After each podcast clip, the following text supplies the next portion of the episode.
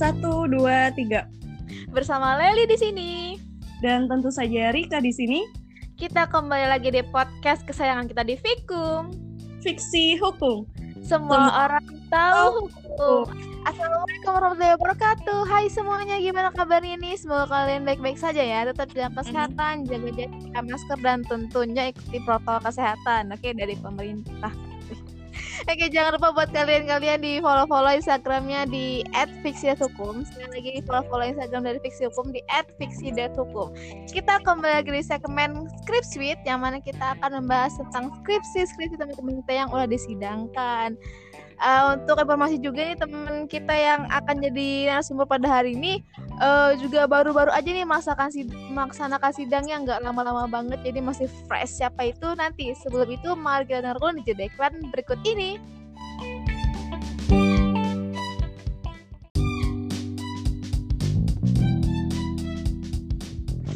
Oke, sekarang entah kan salah kan. Oke, terima kasih kawan-kawan yang sudah sabar menunggu. Jadi eh, selanjutnya adalah tugas Rika yang akan memperkenalkan narasumber. Silakan Rika. Oke, Laili dan juga teman-teman semuanya. Sebelumnya aku mau denger nih mana nih suaranya anak PKHT HT yang lagi pidana. pidana, sorry sorry. Oke.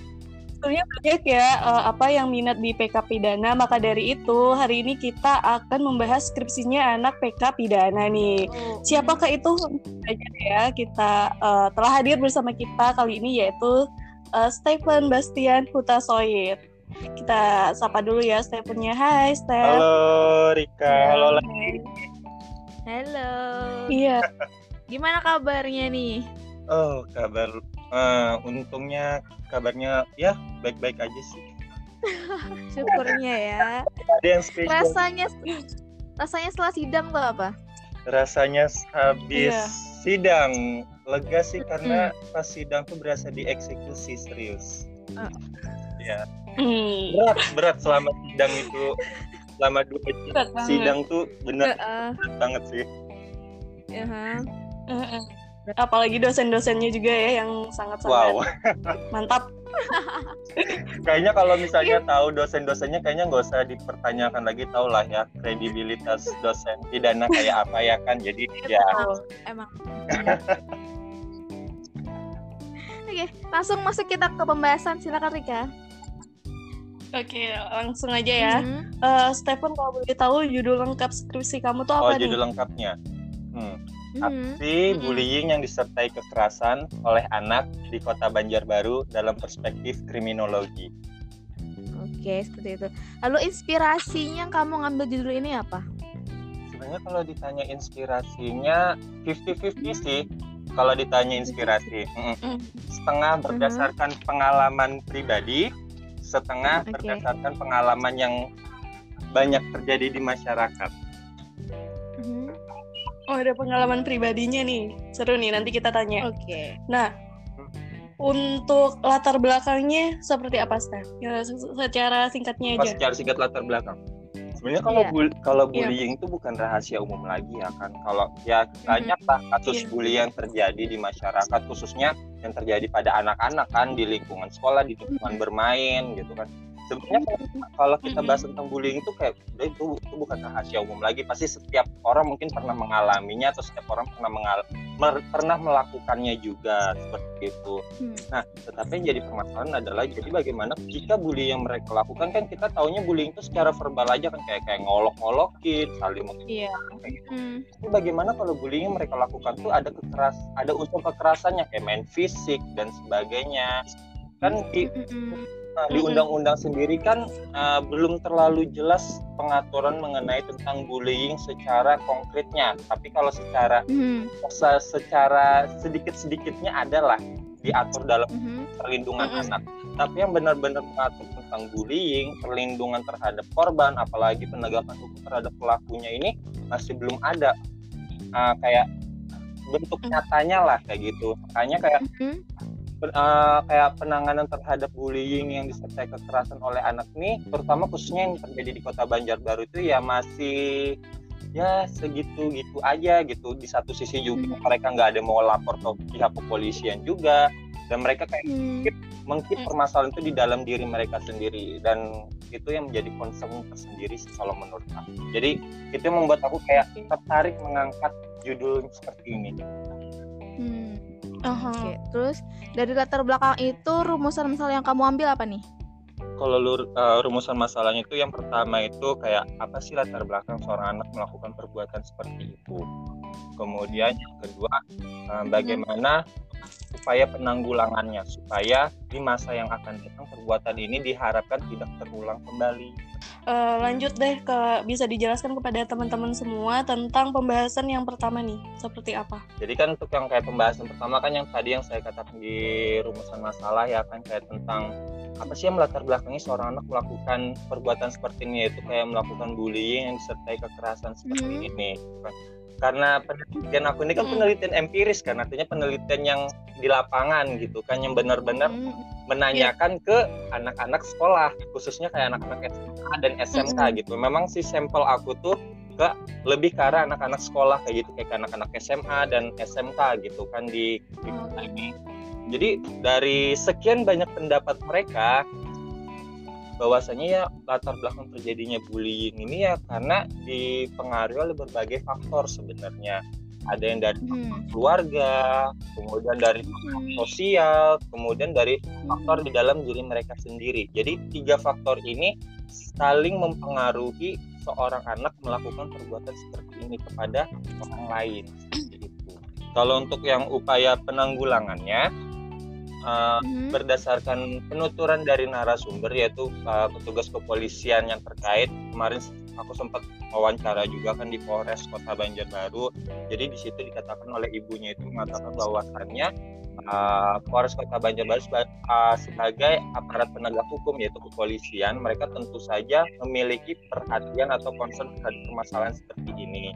Jadi mereka uh, mereka pun punya program gitu untuk supaya mencegah atau kayak program preventif bisa dikatakan preventif sebagai sarana pencegahan Iya. kepada anak-anak dan di program ini pun dinamakan Police Goes to School di mana program ini di mana program ini mereka tuh lebih ke arah mengedukasi anak-anak sekolah karena kan memang Police Goes to School ini kan sasarannya untuk anak-anak sekolah dari tingkat SD sampai Hmm. SMA dan SMK gitu. Jadi di program ini mereka mengedukasi anak-anak terkait dengan hukum. Jadi semua ilmu tentang hukum kayak eh, keselamatan lalu lintas, pencegahan kejahatan, tentang bahaya narkotika dan salah satunya pun edukasi terkait bullying pun di, dipaparkan sama mereka dengan harapan anak-anak mengerti bahwasannya bullying ini nih salah loh. Dampaknya ini ada dan Hmm. dampaknya pun memberikan negatif tidak hanya bagi korban tapi juga bagi kalian yang melakukannya yaitu pelakunya.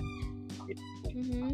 Jadi itu Mm-mm. kayak upaya pencegahan dari penegakan eh dari aparat penegak hukum dan beberapa dari anak-anak pun kayak banyak sih kayak pendapat dari mereka kayak cara mencegahnya itu kayak mengedukasi anak, kemudian perlu peran dari orang tua, orang tua harus memiliki peran aktif dalam mendidik anak-anaknya. Ah, Bener-bener. Hmm, karena kan bagaimanapun kan anak-anak loh, ini anak-anak kan Iya. edukasi mereka kan tidak lain dan tidak bukan dari orang tuanya sendiri dong, mbak. Mungkin Mhm. nggak mungkin dari guru-guru Iya. itu hanya pihak eksternalnya aja pihak luar ya secara internalnya ya Mm-mm. keluarga ya orang tua terutama ayah dan ibunya harus mendidik anak-anak mereka kayak mengajarkan nilai-nilai yang baik norma-norma yang berlaku di masyarakat bagaimana itu harus bisa menghargai sesama bagaimana bisa mencintai sesama seperti itu jadi itu memang harus peran orang tua dalam mendidik putra putrinya gitu dan tidak sedikit dari mereka juga Hmm. mengatakan bahwasanya harus ada suatu tindakan tegas yaitu dalam artian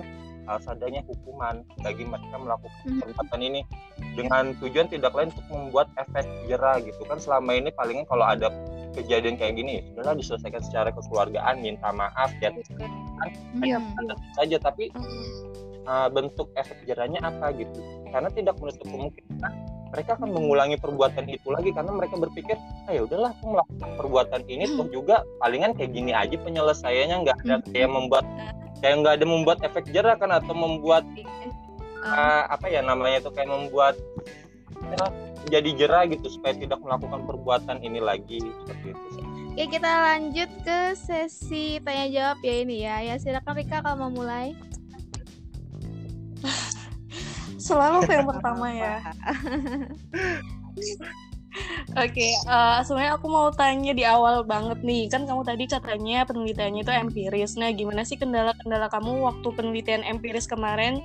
Kan di tengah pandemi juga nih. Nah, bisa di uh, share nggak kepada teman-teman gimana tuh kendala-kendalanya? Sebenarnya kalau untuk penelitian empiris nih kan bisa dikatakan salah satu penelitian yang bisa dikatakan ya susah-susah gampang sih, tergantung situasi dan kondisi lingkungan kita. Situasi. Nah, kalau misalnya situasinya normal-normal aja mungkin ya enak gitu menjalaninya gitu kan karena kita kan ada interaksi langsung kan dengan sampel gitu kan. Itu sih enaknya kalau penelitian hmm. empiris satu sisi dibandingkan normatif ya kan. Kalau normatif iya. kita hanya berkutat dengan buku-buku literatur jurnal dan sebagainya. Ya kan? Mungkin bagi dua mbak-mbaknya itu yang pernah menjalani penelitian normatif tahu kan rasanya normatif kayak apa tahu. Nah tahu. kan? Yeah. jadi itu sih bedanya antara normatif sama empiris. Tapi karena situasi sekarang ya pandemi COVID-19 tidak hanya di Indonesia bahkan di seluruh dunia I guess ya. Jadinya ya cukup susah sih apalagi kan sekolah-sekolah lagi libur. Libur kan iya. banyak yang belajar di rumah. Hmm. jadi itu sih salah satu kendala yang paling susah tuh nyari sampel. Apalagi sampelnya harus berapa ratus siswa ya, ya lumayan banget. banyak kan bukan uh-huh. bukan sat bukan lima atau sepuluh siswa tapi harus ratusan harus ratusan memenuhi minimal sampel gitu kan. Jadi itu sih kemarin kendala yang cukup susahnya itu kayak untuk pencarian sampel terutama kayak siswa-siswa sekolah kayak di tingkat SMA dan SMK gitu. Jadi itu sih kendala yang paling sulit. Iya. tapi ya, syukurnya, bisa, bisa ya. setelah dua kali penelitian ulang jadi yang peneliti hmm. yang iya dua kali Terus. kemarin sempat yang pertama. Tapi karena ada satu dan dua hal akhirnya harus mengulang lagi penelitiannya. Ngulang dari nol lagi. Benar-benar benar-benar ngulang dari nol. Sampel yang sebelumnya itu dihapus semua ngulang dengan sampel yang baru.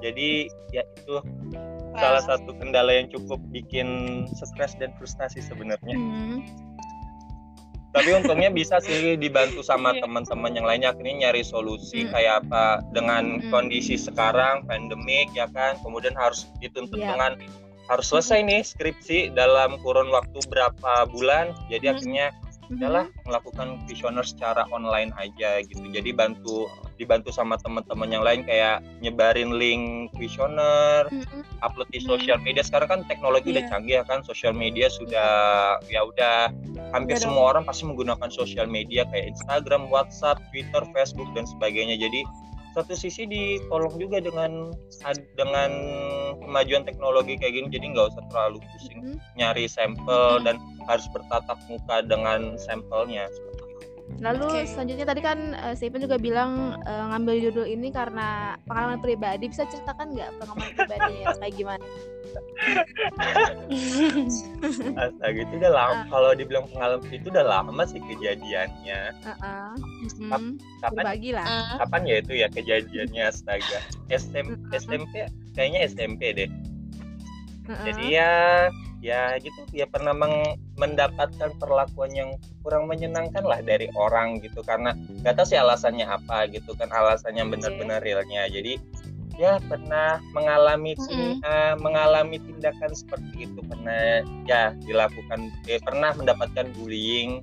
Kemudian tidak hanya secara verbal tapi juga secara fisik mm -hmm. itu dari orang lain itu waktu SMP sih. SMP kalau yang secara fisiknya. Mm-hmm. tapi selepas itu lebih ke arah bullying mm-hmm. secara verbal sih. Kayak ya biasalah diolok-olok dihina-hina dicibir gitu kan. Mm-hmm. kayak ih kok kok cowok kayak gini sih? Ih cowok kok nggak bisa main bola sih? Kayak gitu kan. Banyak kan yang kayak gitu. Istilahnya ah, kayak iya, iya. toxic masculine masculinity kan jadi kan banyak yang orang bilang ih cowok kok nggak bisa main futsal sih? Ih cowok nggak bisa main bola sih? Ini cowok atau cewek sih? Ih cowok kok temen lebih banyak temen cewek dibandingkan iya. temen cowoknya sih? Kayak ya banyak sih kayak omongan-omongan kayak gitu. Jadi kayak ya udahlah udah kebal juga ya kan dari SM, SMP udah di di judge kayak gitu jadinya ya udahlah biarin aja lu ngomong apa gitu kan lu ngomong A B C D sampai Z sekalipun yang jalanin hidup kan saya juga gitu anda cuma bisa menilai dari luarnya yeah. aja gitu tapi kalau untuk yang bullying secara bullying disertai kekerasan itu waktu SMP SMP lah konkretnya Wah, parah banget sih ya kalau Iya, sampai soalnya kan gitu. dampak dari bullying ini kan nggak main-main juga kan, lebih ke arah menyerang ke mental korbannya kan. Karena Hmm, kalau sudah iya. bicara tentang mental itu susah Mhm. penyembuhannya gitu. Jadi orang-orang yang sebagai yang orang-orang pernah menjadi korban bullying pun eh, pasti mental mereka pun ketika mendapatkan perlakuan seperti itu pasti akan, akan tergoncang juga gitu kan yang kalau misalnya Hmm. secara psikologis Hmm. untuk menyembuhkan eh, mental yang rusak tuh nggak serta merta kayak gampang membalikkan telapak tangan kita atau kayak melempar segala sesuatu kayak udah gampang gitu kan menyembuhkannya. Ya enggak gitu kan. Apalagi ini bicara tentang mental. Mungkin saat ini sembuh tapi 5 atau 10 tahun yang akan datang bisa jadi mental yang rusak itu kembali lagi. Hmm, apalagi mungkin Mm-mm. mereka sudah mendapatkan traumatik ya kan. Apalagi kan ini disertai kekerasan ya kan. Kayak secara kekerasan fisik. Berarti eh, bisa aja nanti tidak menutup kemungkinan di masa yang akan datang mereka akan kembali lagi traumanya gitu. Dan bicara tentang traumatik tuh nggak bisa Mm-mm. segampang itu untuk menghilangkannya gitu. Even mau datang ke psikiater pun ke psikolog pun atau minum obat-obat kayak obat penenang obat antidepresian yang nggak akan bisa menyembuhkan mental seseorang yang sudah rusak gara-gara perlakuan orang lain seperti itu. Itu sih. Mm-mm. Iya, lalu juga eh, kayak ada ada yang bilang juga kan ketika kita menjadi korban tuh ada beberapa kemungkinan besarnya kita juga akan menjadi Iya. pelakunya nanti. Nah, tuh gimana tuh Iya, pendapat tidak Stefan? menutup kemungkinan kan seperti yang aku bilang tadi kan di awal dalam latar belakang kan orang melakukan bullying itu ada tiga Iya. faktor dari keluarga, sosial dan dari diri sendiri. Mhm. Nah kalau untuk yang terkait dengan pertanyaan itu, berarti dari dalam dirinya sendiri dia melakukan perbuatan itu semata-mata Mhm. untuk membalaskan apa yang orang-orang lakukan kepada dia kepada orang lain dengan tujuan Mhm. supaya orang-orang merasakan apa yang dia rasakan. Seperti itu. Dan Itu itu ya takutnya dia malah kalau misalnya dendamnya bener-bener istilahnya ya kayak bahasa sarkasnya itu kayak udah dendamnya itu udah mendarah daging itu sih yang bahayanya gitu. Karena Hmm. tidak menutup kemungkinan dia akan menjadi yang kayak di film-film kayak gitu ya Hmm, baik psikopat yang ya dan kayak bisa sebagainya. kita nggak menutup kemungkinan karena dia kan mungkin udah lelah juga kan kayak yalah aku dibully terus ya kan kayak dibully terus diolok-olok terus Mm-mm. kayak secara Mm-mm. fisik di mungkin dipukul diapain gitu kan kayaknya kita sebagai manusia Mm-mm. normal kita nggak suka kan di, mendapatkan perlakuan seperti itu kan kita yang Mhm. istilahnya yang jalannya lurus-lurus Iya. saja yang kayak nggak ada permasalahan kayak nggak akan suka kalau diperlakukan seperti itu. Apalagi ya orang seperti orang lain gitu kan yang pasti mereka akan menyimpan menyimpan dulu kayak "Ya udahlah yang penting diingat dulu perlakuannya diingat diingat diingat. Kalau sudah mungkin sudah kesel udah gedek mungkin ya mungkin mereka akan membalaskannya namanya juga kan manusia nggak ada yang sempurna kan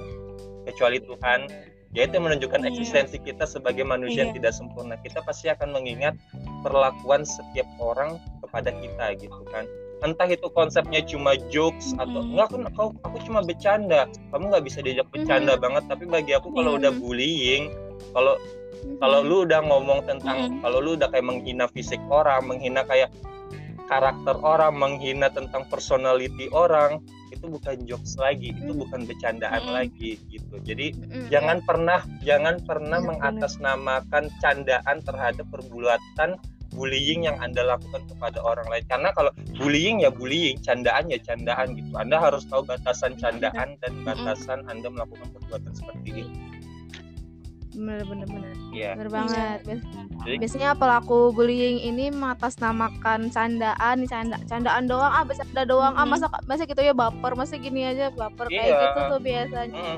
Contohnya aja kayak misalnya kita ada punya teman gitu kan, even kita udah teman dekat gitu kan, teman dekat di kampus ya kan udah misalnya dua tahun kita teman gitu. Tapi suatu hal misalnya kita hina fisik dia contohnya, ih kamu kok pendek banget sih, ih kamu dekil banget sih, ih kok kamu hitam banget sih. Yang temenan aja bisa jadi musuhan gara-gara kata-kata kayak Aha. gitu kan. iya Ya kan nggak, pada kita udah Hmm. berteman contohnya dari awal kuliah gitu kan, tapi karena candaan gitu Hmm. doang, ya itu nggak. Jangan anda melindungi diri anda dengan kata-kata itu candaan doang, jangan terlalu dianggap serius gitu. Karena ketika Hmm. sudah anda menghina atau mengomongi apa yang ada di dalam diri kita, itu bukan candaan lagi seperti itu. Hmm. Iya bener banget. Nah, tuh Lai, kamu harus minta maaf sama aku berarti Lai. gitu Kamu tuh sering bilang aku tuh kayak Suzy Miss A gitu. Jadi aku merasa kayak gimana gitu. tolong para pendengar jangan jangan keluar dulu. tunggu dulu sebenarnya aku bingung juga ini kan tadi eh, apa ya candaan terus ke bullying soalnya batasan oke kalau kita kan paham batas-batasannya mungkin anak-anak nih kan masih anak-anak tidak tahu batasan-batasannya Mm. mereka kira bercanda mereka mungkin karena mereka sering mendengar itu atau sering dikata-katai seperti itu juga oh candaan berarti aku nggak apa-apa nih bilang itu ke orang lain. Mungkin saya pernah tahu nggak sih atau batasannya seperti apa sih candaan sama bullying ini? Lagi buat untuk anak-anak Hmm. pengertian anak. Jadi kita uh, kita sebagai orang tua kita harus peka lah terhadap respon orang terhadap apa pernyataan yang kita sampaikan gitu kan. Misalnya gini, Hmm. misalnya contoh kan, misalnya kan aku ketemu sama Rika pertama kali ya kan contohnya. Terus itu ya udahlah be- berteman cuma sekenanya doang gitu kan. Kadang pasti sekali pasti akan ngelempar jokes kan kayak katanya eh, ya contohnya kayak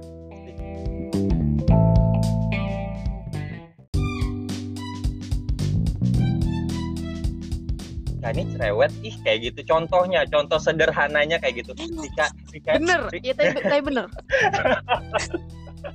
Enggak. contohnya contoh sederhana aja contohnya ih Rika ini cerewet nih. Kalau misalnya respon dia itu kayak masih ih apaan sih? Kayak cuma ketawa-ketawa doang artinya oh oke Mhm. oke berarti oke itu masih dalam batasan bercanda gitu. Tapi kalau misalnya aku udah ngelontar jokes atau misalnya gurauan kayak ih Rika ini cerewet banget nih. Terus itu kalau ekspresinya udah berubah kayak udah nggak nyaman artinya oke stop. Jangan dilanjutkan lagi jangan diulangin lagi. Artinya udah jangan artinya itu dia udah nggak nyaman nih kalau kita udah bahas kayak gitu oh. Jadi kita udah harus peka terhadap sekitar kita gitu. Misalnya kita bercanda entah itu sama teman kita sama kelompok sosial kita gitu kan. Nggak menutup kemungkinan kita yang sahabatan aja bisa musuhan gara-gara omongan doang ya kan? Ya. Jadi kalau misalnya kita ngelempar Mm-mm, jokes bener. itu mungkin wajar-wajar aja gitu. Tapi kita harus harus peka terhadap respon yang dia berikan secara nggak langsung kayak gestur dia kalau misalnya dia udah gesturnya nggak nyaman ah, respon dia Hmm. tuh udah kayak ah, apaan Hmm. sih? Kayak gitu. Terus itu kalau secara dari dalam dirinya dia kayak udah nggak nyaman dengan jokes yang kita berikan oke artinya kita harus stop. Jangan jokes itu lagi. Jangan ngatain itu lagi karena itu membuat dia nggak nyaman gitu. Kalau kita ulang-ulang terus mungkin kita ketawa-ketawa aja tapi di dalam hati kita kayak what the apa sih lu ngomong gitu terus? Gitu kan kayak apaan sih? Gitu loh kayak nggak ada jokes lain apa dibandingkan anda harus ngulang-ngulangin itu terus gitu kan. Itu aja sih kita harus peka sama respon orang peka terhadap lingkungan sekitar kita gitu. Jadi kita tahu sampai kapan kita ngucapin jokes itu kalau emang udah orang kita tuju itu nggak nyaman ya udah artinya kita harus stop jangan diulangin lagi. Gitu. Hmm, bener. Itulah kenapa fitnah lebih kejam daripada pembunuhan. ya. Bener kan? Ya kan? Lidah mati mampu. Lidah tak bertulang tapi bisa membunuh gitu loh. iya benar sekali Eh, supaya teman-teman juga tahu nih sebenarnya seperti apa sih bentuk-bentuk Ya, perilaku kalau bullying itu ini. sendiri banyak sih jenisnya kan ada yang bullying secara verbal kemudian ada yang bullying secara fisik ada yang bullying secara psikologis atau secara mental dia ada yang namanya cyberbullying yaitu yang ada di internet kemudian ada namanya sexual bullying jadi bullying itu kayak banyak jenisnya gitu Mm-mm. tapi yang paling banyak digunakan adalah bullying secara Iya. verbal itu. Ditambah dengan teknologi yang udah maju sosial media yang udah maju ada lagi yang namanya cyberbullying yaitu bullying yang dilakukan secara di media sosial atau media maya gitu. Benar-benar. Hmm, jadi banyak sih jenis-jenis bullying gitu tapi yang paling sering yang paling sering terjadi ya bullying secara Banyak verbal ya. sama cyberbullying karena kan sosial media udah kita udah maju banget kan sekarang Mhm. gitu itu sih Terus eh, ini kan penelitiannya berfokus berfokus kepada kota Banjarbaru ya. Mungkin Mm-mm. eh, kenapa dari kota Banjarbaru? Kita kan kuliah di Banjarmasin kan. Gitu kenapa nggak dari Banjarmasin aja? Alasan pertama karena lebih dekat sih karena udah lama juga kan di Banjarbaru kayak SD, SMP, SMA tuh di Banjarbaru. Jadi Hmm. kurang lebih tahulah situasi kota Banjarbaru kayak apa sih gitu kan. Sedangkan di Banjarmasin kan cuma pas baru kuliah aja ke Banjarmasin. Oh gitu. Jadi kayak kalau Hmm. misalnya ngambil di Banjarmasin mungkin satu sisi lebih enak sih karena kan ya udahlah Banjarmasin kan dekat sama kampus, dekat dengan ruang lingkup Mhm. dengan dosen pembimbing kan tau lah istilahnya dosen pembimbing tahu kan mungkin di Banjarmasin gimana tapi kan kalau misalnya di Banjarmasin itu sisi kan uh, terlalu sulitnya itu karena tidak selalu mengenal dengan lingkungannya kayak nggak terlalu kenal dengan situasi kayak sekolah-sekolah SM khususnya SMA dan SMK yang ada di Banjarmasin itu kayak apa sih? Sedangkan kalau di Banjarbaru kan karena emang udah tahu eh, SMA di Banjarbaru apa aja. Kemudian karakter dari setiap SMA yang ada di Banjarbaru ini kayak apa aja gitu. Jadi bisa menyesuaikan artinya dengan mewawancarai anak-anak di SMA atau SMK yang ada ini gitu. Jadi kayak pinter gitu. Jadi saya bisa untuk memposisikan diri kayak oh ini sampel yang aku wawancarai dari sekolah ini jadi tahu kayak apa caranya untuk mewawancarai mereka uh, sebagaimana yang kita tahu ya bahwa anak di bawah umur itu kan nggak bisa dipidana gitu dalam artian nggak bisa dimintai pertanggungjawaban. Nah, bagaimana yang dilakukan uh, oleh anak yang di bawah, di bawah umur nih yang yeah. si pelaku kan bullying kalau SMA itu kan emang rata-rata masih di bawah umur semua ya kan kan seperti yang yeah. kita ketahui kan umur hmm. seseorang yang dianggap dewasa itu sekarang kalau nggak salah 19 tahun 19 atau 21 sih 18 18 18 18 tahun ke atas 18, 18 ke atas yeah. sedangkan anak SMA aja rata-rata itu kisaran umurnya itu 15 sampai 17 tahun ya kan? Kayak sekitar dari kelas 1 sampai kelas 3 itu kan kisarannya 15 sampai 17 tahunan lah kira-kira jadi mm. kalau ditanya terkait dengan tanggung jawaban pekerjaannya jelas akan sulit karena kan kalau kita bicara dengan undang-undang, kalau kita udah bicara tentang undang-undang, ketentuan undang-undang di SPPA sekalipun sudah diatur gitu kan di Undang-Undang Nomor 11 tahun 2012 atau kembali gitu. Pokoknya undang-undang tentang sistem peradilan pidana anak itu sudah uh-uh. bahwasannya anak itu harus diupayakan eh, kayak pemidanaan itu adalah pilihan yang terakhir. Mm-hmm. Jadi kita tidak bisa langsung mempidana anak atas sebuah tindak uh, suatu perbuatan yang dia lakukan. Ya yang dia lakukan itu kita nggak bisa serta merta langsung oke okay, hukuman pidana penjara atau bla bla bla nggak bisa. Karena pilih karena pidana pemidanaan itu adalah pilihan terakhir. Maka dari itu ada yang namanya diupayakan uh, diversi. Itu kan istilahnya uh, uh, dipilih cara supaya jangan dipenjara dulu deh anak ini kayak bagaimana caranya yaitu di diversi kemudian ada yang namanya uh, adil, uh, restoratif justice dan sebagainya gitu. Dan di dalam SPPA sendiri pun ada ketentuannya bahwasannya yang untuk bisa dikenakan pidana penjara itu itu adalah suatu perbuatan yang hukumannya itu di atas tujuh tahun rasanya tujuh atau sembilan tahun gitu di atas 7 atau 9 tahun baru bisa dikenakan uh, pemidanaan. Dan itu pun atas pertimbangan benar-benar pertimbangan yang mm matang dari hakim yang mengadili perkara tersebut gitu. Contohnya kalau misalnya dia kasusnya pembunuhan pembunuhan berencana oke okay lah baru mm -hmm. bisa uh, baru bisa dikenakan pidana penjara. Dan itu pun harus ditempuh uh, diversi berapa kali dari dari tingkat uh, dari tingkat kepolisian terus itu nanti di kejaksaan kemudian nanti di saat di pengadilan tuh ada prosesnya tuh jadi harus di ada harus diupayakan upaya hukum terus gitu jadi supaya mereka tuh nggak dipenjara dan itu yang cukup sulit sih untuk kayak bagaimana pertanggungjawaban pidana terkait dengan anak bully yang disertai kekerasan seperti itu. Maka itu kalau bicara tentang pertanggungjawaban pidana mungkin akan sulit. Nah Nah, itu mungkin salah satu solusinya ada yang namanya sanksi sosial gitu. Gak ada salahnya menerapkan sanksi sosial sama anak. Oh, tujuan utama dari sanksi ini kan untuk membuat efek jerah kan?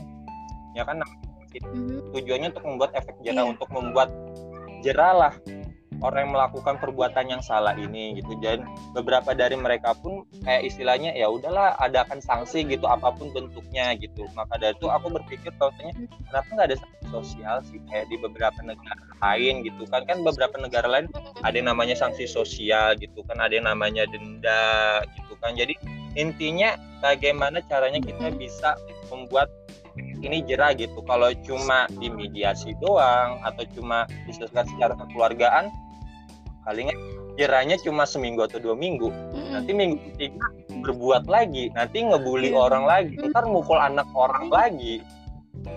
Mm-hmm. nanti saat korban yang itu pun kalau korbannya ngelapor kalau korbannya nggak ngelapor ya udah. Gimana? Ya gimana ya palingan cuma minta maaf dong dan kita pun nggak tahu dia minta maafnya itu tulus atau enggak ya kan dan soalnya banyak loh yang kejadian kayak gitu kayak istilahnya dia udah nge ngebully anak orang lain udah ngemukul anak orang lain. Ya udah gitu selesai that's it. Cuma minta maaf karena orang tuanya datang ke keluarga pihak korban terus itu iya saya minta maaf bla bla bla bla bla. Emang ya anaknya akan jerak hanya dengan gitu doang gitu kan ya mungkin di rumah dimarahin gitu kan atau misalnya dinasehatin gitu apa. Tapi apakah anaknya akan dengerin gitu kan? Kita kan nggak ada yang pernah tahu setiap orang kayak apa gitu kan.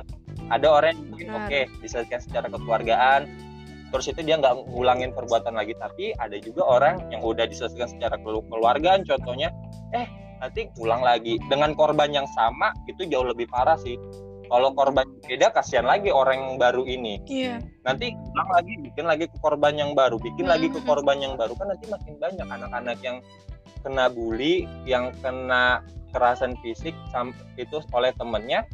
Terus itu ya bagaimana tentang eh, bagaimana dengan psikologisnya mereka pasti mereka akan terganggu gitu. Mereka akan trauma gitu kayak aduh aku di kayak gituin kemarin dipukul terus itu udah diolok-olok terus itu udah dipukul lagi ya pasti mental mereka akan terguncang dong gitu. makanya Bener.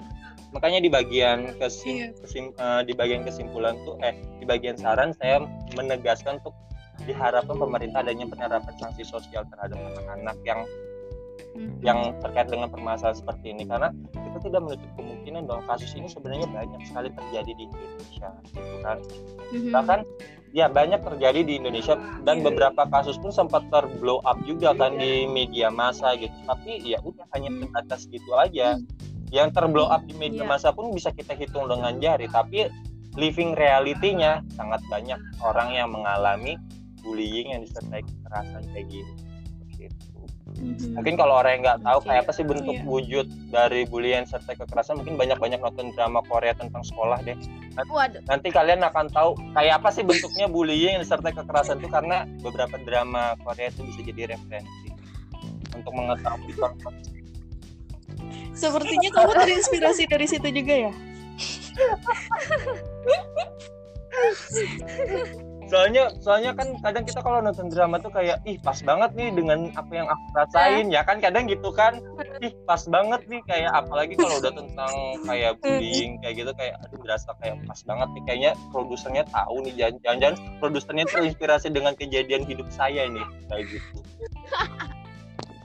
Jadi nggak menutup kemungkinan. Jadi kalau misalnya ada yang penasaran kayak apa sih kayak bullying yang disertai kekerasan itu kayak apa sih? Ya banyak banget Mhm, nonton mhm. drama Korea tentang sekolah ya mungkin nggak hanya tentang sekolah pokoknya tentang apa gitu pasti nanti Iya. tahu deh kayak apa bentuknya gitu Uh-uh. mungkin Mm-mm. Mhm. setelah nonton itu kayak oh jadi gitu ya bentuknya gitu karena emang karena memang dia enak Tapi perlakuan ya. bullying tuh nggak ada yang enak siapa yang bilang enak di bullying gitu kan Bener. Mm-mm. jadi gitu Begitu. Jadi jadikanlah hobi ini kesempatan untuk mengambil judul skripsi. bisa jadi tidak menutup kemungkinan Iya, banget. Oke, judul apa skripsi dari Stephen ini kan berfokus pada kriminologi. Kriminologi berarti te- eh, tentang pelakunya ya, dan Hmm. pandang pelaku. hmm. Kenapa kamu nggak ngambil dari victimologi atau dari korbannya? Karena kan di sini kalau kita menganggap oh, pelakunya anak nih kan kita bener kayak geram gitu kok anak kayak gini kayak gini kok anak gitu. Cuman kita juga tahu kalau nggak mungkin apa ya rasanya berat banget kalau dia itu di penjara dia itu diberikan hukuman kayak gitu. Iya. Ini pandangan dari korban itu kayak gimana sih perspektifnya hasil dari bullying itu? kalau untuk kita melihat dari kayak bullying dari sudut uh, pandang perspektif victimologi kalau victimologi berarti dari pihak korban ya kan Mhm. kalau uh, kalau dari korban pun kan uh, pasti korban pasti akan mengalami uh, uh, dampak kerugian juga kan mungkin bukan kerugian secara Iya. material tapi lagi lebih ke Hmm. arah imaterial ya kan contohnya luka fisik luka mental dan sebagainya gitu kan dan uh, dan Hmm. kenapa aku lebih concern kepada anak pelaku karena memang seharusnya anak pelaku ini yang kita tegasin bagaimana gitu. Karena kan mereka yang udah korban ya bagaimana gitu. Perlindungannya pun palingan ya belum tentu mereka akan mendapatkan kayak kompensasi dari pelakunya gitu kan. Ya syukur-syukur contohnya kalau pelakunya mau ngasih biaya ganti rugi untuk pengobatan atas perbuatan dia kan seperti kan bullying yang disertai kekerasan berarti itu ada kontak fisiknya kan? Kayak ada bentuk kekerasan fisiknya. Ya boro-boro kalau misalnya dapat kompensasi biaya untuk pengobatan untuk dapat minta maaf yang tulus aja udah syukur banget mungkin. Ya kan? Benar ya kan? Belum Iya. tentu belum tentu. Jadi untuk bicara tentang korban korban ini ini kayak mungkin terlalu jauh banget gitu. Makanya lebih ke arah ke pelakunya dulu nih. Pelakunya kalau emang sadar ya udah korbannya pun mungkin Mm-mm. akan legowo aja gitu kan. Bagaimanapun korban ini kan ini mereka ini ada gara-gara si pelaku. Kalau pelakunya nggak ada nggak ada korban dong. Iya ya benar kan kalau nggak ada pelaku berarti nggak ada korban iya. gitu. Jadi ya mereka pun palingan lebih menuntut arah keadilan sih. Kayak ya kalau misalnya menuntut minta maaf yang tulus terus itu kayak kayak apa caranya? Ya dia jangan mengulangi lagi gitu kan. Apalagi kalau kadang kan namanya anak-anak gitu kan pasti kalau udah berhubungan sama orang tua pasti kayak malu gitu. Pasti yang anak pelaku padahal udah tahu itu mereka yang salah tapi kayak uh gara-gara dia jadi orang tua orang tua aku tahu gitu kan. Kayak jadi malu terus itu ya mereka jadinya balas dendam lagi anak korban. Padahal mereka yang salah gitu kan. Tapi gara-gara mungkin anak korbannya ini ngelapor terus itu orang tuanya jadi tahu jadi kayak ribet lagi permasalahannya anak pelaku lagi yang makin geram lagi anak korban. Jadinya ya gitu. Ya intinya muter-muter di situ aja nanti. Sisanya kan emang judul ini kan berdasarkan living reality jadi mungkin kalau orang yang pernah ngalaminnya jadi kayak tau lah kayak apa sih konkret nyatanya di masyarakat tuh kayak apa sih permasalahan kayak gini gitu. Dan Iya. aku rasa pun hampir mungkin setiap anak sekolah rasanya pasti pernah mengalami hal ini gitu jadi nggak menutup kemungkinan pasti mereka pernah mengalami hal ini juga gitu. Dan mereka pun mungkin bingung juga kayak apa sih caranya gitu kan menyelesaikan hal ini supaya mereka nggak Mhm. mereka nggak ada di lingkaran bullying ini lagi gitu. Entah itu sebagai korban maupun sebagai pelaku Oke, kita kita Hmm. masuk ke saran Steven silakan saran dari skripsinya. Oke, kalau saran sih Iya. mungkin lebih eh, kembali ke individu setiap anak sih, gitu kan. Kayak ya Mhm. kalian harus lebih apa ya, lebih ada sikap untuk saling menghargai orang lain. Gitu kan. Jangan serta merta kalian mungkin kalian ada di atas dari orang-orang itu, kalian bisa bertindak seenak-enaknya, gitu kan. Intinya kalau kalian ingin dihargai orang lain, ya hargai orang lain. Gitu. Kalau kalian nggak ingin mendapatkan perlakuan seperti itu, jangan melakukan seperti itu pada Hmm. orang lain Mhm. kita kita hidup di negara Indonesia di mana setiap tindakan kita setiap perilaku kita tuh pasti ada pertanggungjawabannya jadi jangan kalian pikir bahwasanya karena bullying ini Iya. belum ada aturannya secara jelas kalian bisa seenaknya ngebully orang lain entah itu kalian Mm-mm. ngebulinya secara fisik, secara verbal, secara mental, secara psikologis di cyber itu di sosial media cyberbullying atau ataupun bullying secara seksual ya jangan seenaknya gitu aja gara-gara belum ada Mm. pengaturannya terus kalian bebas ngebully orang tuh karena tidak menutup kemungkinan perbuatan kalian itu Mm. bisa disangkut pautkan dengan aturan pidana lainnya intinya gitu sih. Iya. dan orang tua ya kalau bisa sesibuk apa pun kalian orang tua ya intinya dididiklah anak-anaknya gitu. Karena bagaimanapun citra seorang anak di masyarakat itu pasti akan bersangkut paut dengan orang tuanya. Kalau anaknya udah dijudge nakal pasti orang tuanya akan dibilang ih orang tuanya nggak becus mendidik anaknya gitu kan. Ya intinya kalau anda ingin menjadi orang tua yang baik didiklah anak-anak anda menjadi pribadi yang baik juga. Karena bagaimanapun uh, penilaian masyarakat itu pasti akan ke kita nantinya. Oke, sekali lagi kita semua mau mengingatkan ya kepada semua teman-teman yang lagi mendengarkan Vikum Podcast, stop bullying ya, karena bullying itu sangat berdampak besar gitu ke depannya bagi kita semua. Karena Ya. sem- kita tuh semua sama ya, keadilan sosial bagi seluruh rakyat Indonesia, Mm-mm. tapi syarat dan ketentuan berlaku. Yap. Yap. Akhiri podcast kita pada hari ini kami mohon maaf sebesar-besarnya apabila terdapat kesalahan selama kami berpodcast dan terima kasih pada para pendengar nih ya yang sudah melakukan podcast fiksi hukum hingga saat ini. Eh, jangan lupa juga di follow follow instagramnya di @fiksi.hukum.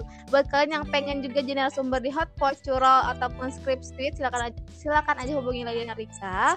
Kami tunggu kabarnya. Ingat skripsi jangan hanya disimpan dan dibukukan, tetapi sebarkan agar bermanfaat. Jangan lupa juga nih sampaikan kritik dan saran kalian. Sampai jumpa di episode-episode lainnya tetap di Fikum. Fiksi hukum. Semua orang, Orang tahu tahu. hukum. Bye bye.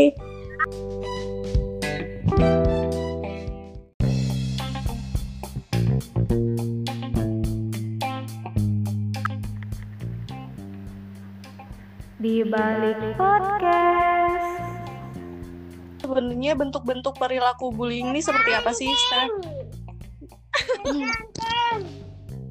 Hah, siapa tuh? Apa nih kau gak bisa bilang? Gimana kak?